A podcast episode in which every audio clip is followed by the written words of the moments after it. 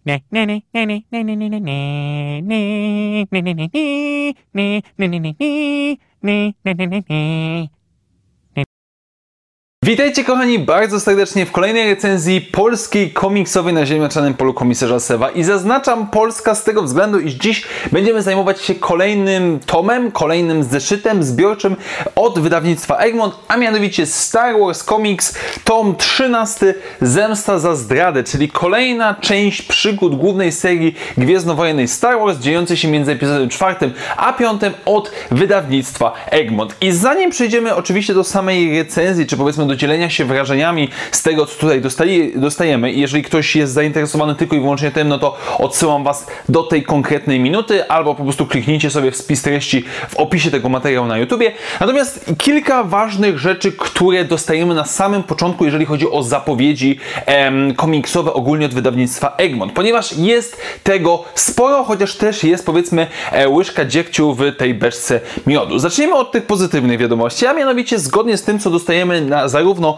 we wstępie od Jacka Drewnowskiego, jak i również na końcu em, z całego zeszytu, na ostatniej stronie. Wkrótce czeka nas, czekają nas kolejne tomy, powiedzmy w semi-twardej okładce ze skrzydełkami, to co ja tutaj mam na półce u siebie, czyli kolejna część e, serii Star Wars, dziejącej się między epizodem 5 a 6. To jest zupełnie co innego niż to. E, Operacja Świetlny Blask, która dzisiaj Empik poinformował mnie, że już wysyłają do mnie e, egzemplarz, więc za chwilę już będzie dostępna powiedzmy dla wszystkich. To będzie we wrześniu, natomiast tego, z tego co widzimy na dole, zesz, y, tom Prosto w ogień, czyli drugi tom um, od Darte, o Darcie Wejderze oraz y, Cel Valance, czyli drugi tom serii Bounty Hunters dostaniemy w listopadzie 2021 roku, przy czym na stronie Egmontu, jeżeli ktoś chce, można już zamawiać. I co mnie od razu cieszy, że grzbiety widzę, że będą miały zachowaną kolorystykę em, tą, którą mieliśmy rozpoczętą, więc bardzo to dla mnie jest na plus. Dodatkowo również w środku tego zeszytu mamy pokazaną informację, iż w październiku dostaniemy Vader, e, na celowniku Vader, e, czyli kolejny pojedynczy tom, który łączy się oczywiście z innymi seriami komiksowymi, ale każdy z moim zdaniem mógłby spokojnie go czytać, nie znając innych um, tomów, więc tutaj jakby oczywiście bardzo pozytywna wiadomość. No i na sam koniec najlepsza chyba z tego wszystkiego, co tutaj dostaliśmy, czyli The High Republic. Jest powiedziane we wstępie od Jacka Drewnowskiego, iż w grudniu dostaniemy pierwszy ark historyczny składający się z sześciu zeszytów. To będzie mniej więcej taka grubość jak ta seria Star Wars, Vader oraz Bounty Hunters. Pierwsze sześć zeszytów serii The High Republic, które już teraz mogę bardzo, bardzo gorąco polecić, bo zarówno są bardzo dobrze narysowane, jak i również są bardzo dobre fabularnie. No i jeszcze z zapowiedzi już na przyszły rok została podana informacja również w tym wstępniaku, że druga seria komiksowa od Dr. Aprze, nie ta pierwsza, która niestety nadal nie będzie kontynuowana w ramach Star Wars Comics albo w jakikolwiek sposób, która była rozpoczęta, ale no niestety nie została dokończona i raczej już chyba nie będzie będzie również miała swoje wydanie w skrzydełkach.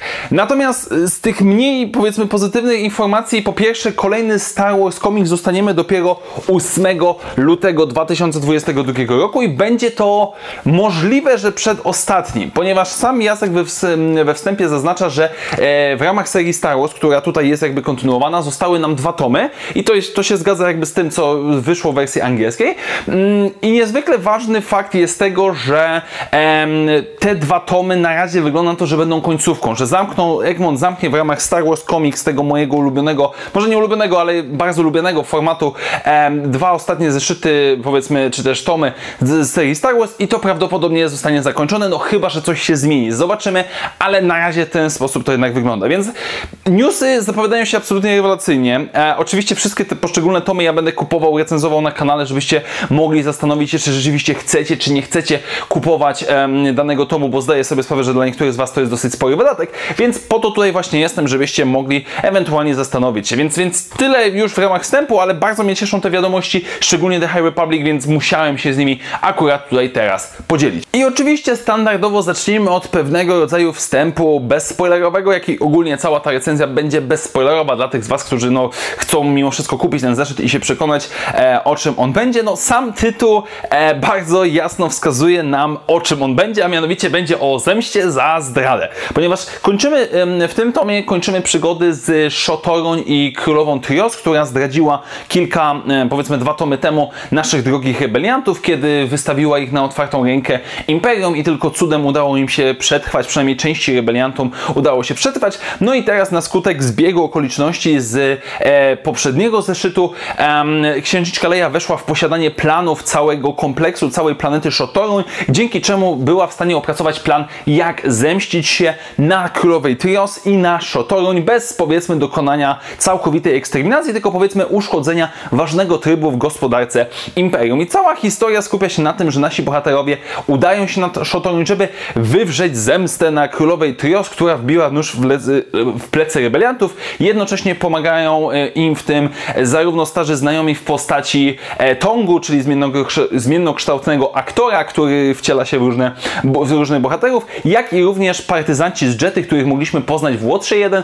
którzy teraz kontynuują cały czas swoją, powiedzmy, krucjatę na swój sposób pokręcony i którzy dołączają z różnych własnych, różnych powodów, które oczywiście będą jednym z wątków fabularnych w tym tomie. I teraz tak naprawdę dochodzimy do pewnego punktu, powiedziałbym, w którym naprawdę zacząłem się zastanawiać, czy ten tom jest samodzielny. Bo w poprzednich zeszytach, przy poprzednich tomach e, dosyć często byłem raczej zdania, że tak naprawdę ktokolwiek kupi ten zeszyt może jakoś powiedzmy połapać się w tym, co się dzieje.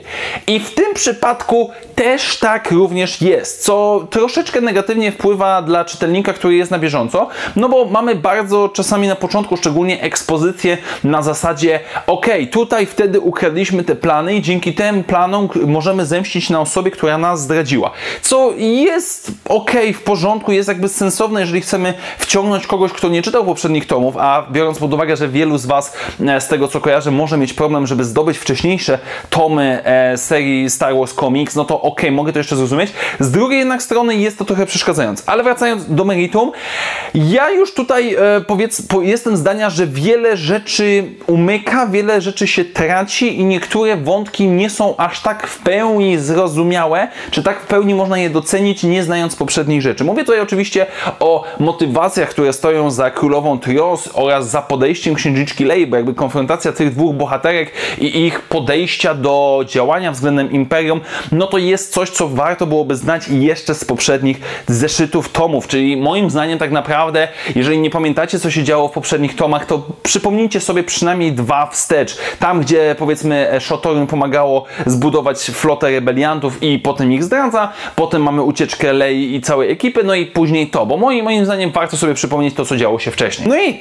jakby, co tutaj można tak właściwie powiedzieć na temat tego tomu e, bez jakichś specjalnych spoilerów. Jeżeli mamy oczywiście zemstę za zdradę i mamy konfrontację na planecie przeciwników małej naszej ekipy, e, w, skład której wchodzą oczywiście główni bohaterowie, czyli Han, Luke, Leia, Chewbacca, R2D2, C-3PO, jak i również grupa partyzantów z Jety, no to można łatwo i w bardzo prosty sposób przewidzieć, że będzie dużo naparzania się i rzeczywiście tego tutaj jest. Jest kombinowania, jest trochę akcji szpiegowskich, jest trochę przyjmowania innych postaci, przechwytywania y, po prostu kart informacyjnych i po prostu Mission Impossible w pewnych momentach, jak i również jest całkiem sporo, sporo tego naparzania. Jednocześnie jednak nie można pominąć absolutnie faktu tego, że jest to końcówka um, tego, tej historii Shotorun, ta, która ciągnie się już od kilkunastu zeszytów wcześniej i tak jak wspominałem wcześniej, relacja królowej Trios, która w tym zeszycie, w tym tomie bardzo dużo ma czasu, mm, powiedzmy, żeby nam czytelnikom pokazać,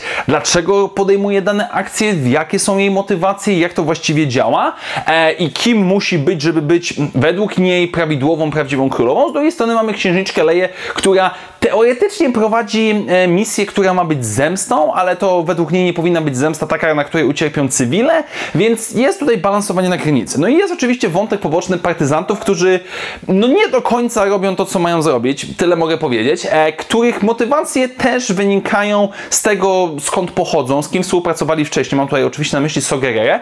I tu jest jeden z tych głównych zgrzytów, który mi przeszkadza w tym tomie, mianowicie rozwiązanie wątku e, nie separatystów, przepraszam, tylko partyzantów. Nie będę mówił w jaki dokładny sposób, ale jest to bardzo, bardzo króciutkie pójście na skróty, które autentycznie nie za bardzo mi się podobało. Generalnie jednak rzecz ujmując, mamy tutaj tom, który jest z jednej strony napakowany bardzo mocno akcją, um, która kończy nam różnego rodzaju wątki bohaterów zarówno pozytywnych, jak i negatywnych, jak i również daje nam jakieś tam niewielkie, ale jednak próby spojrzenia na konflikt, czy też jak stać w tym konflikcie domowym między rebelią a imperium, czy opowiadać się po jednej, czy opowiadać się po drugiej stronie oraz tak naprawdę jakie granice możemy przekroczyć, kiedy chcemy osiągnąć coś, kiedy chcemy ochronić bliskich, ochronić coś, co jest nam bliskie, ważne i istotne. Więc te wątki się również pojawiają. Generalnie rzecz ujmując, um, komiks w pierwszej połowie gdzieś tam jakoś powiedzmy rozkręca się, jest bardziej taki szpiegowski, w drugiej połowie zdecydowanie bardziej uderza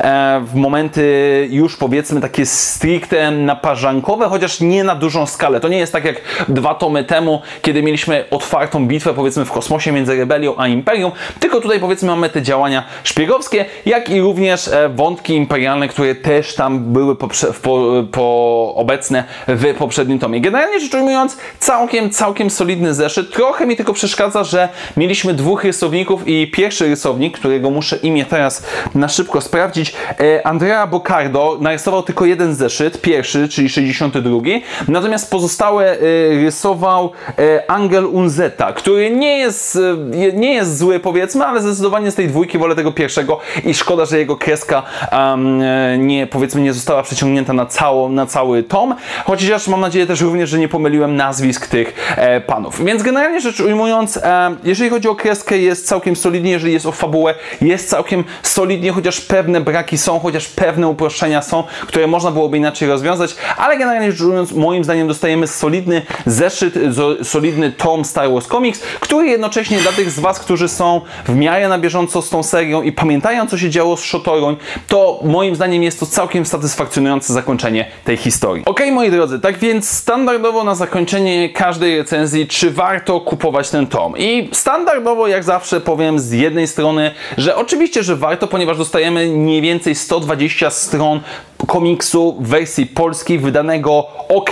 Ja wiem, że wiele osób ma problem z jakością i formatem Star Wars Comics, ale za 20 zł naprawdę to są absolutne moim zdaniem grosze i biorąc pod uwagę mimo wszystko to, jak wiele osób narzeka, że już nie można dostać poprzednich tomów Star Wars Comics, to moim zdaniem, jeszcze dodając fakt do tego, że te zeszyty teraz wychodzą co 3-4 miesiące, naprawdę warto się powiedzmy, że tak powiem zrzucić. Z drugiej strony dostajemy solidnego akcyjniaka z jakimiś tam przesłaniami, z jakimiś jakimiś tam powiedzmy próbami pokazania czegoś większego, jeżeli chodzi o konflikt rebelii i imperium, jeżeli chodzi o motywację w tym konflikcie, który jest naprawdę ok, w porządku. Nie urywa on jakoś niesamowicie tyłka, bym powiedział. Nie jest jakiś absolutnie rewelacyjny, ale moim zdaniem naprawdę, naprawdę warto go kupić, bo jest całkiem solidną porcją komiksu gwiezdnowojennego, który teraz na nadchodzące coraz dłuższe wieczory będzie jak znalazł powiedzmy w tą jesienną aurę, która niestety już trochę mnie dobija, szczerze mówiąc.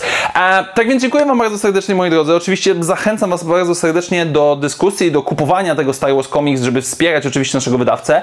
Również e, przypominam Wam, że jeżeli chcecie, e, to możecie wesprzeć moją działalność tutaj na kanale, jeżeli Wam się oczywiście podoba, w formie finansowej, stawiając mi wirtualną kawę. Link znajdziecie w opisie tego materiału. A na dzisiaj dziękuję Wam bardzo serdecznie. Do zobaczenia wkrótce w następnych materiałach i jak zawsze niech moc będzie z Wami. Na razie, cześć!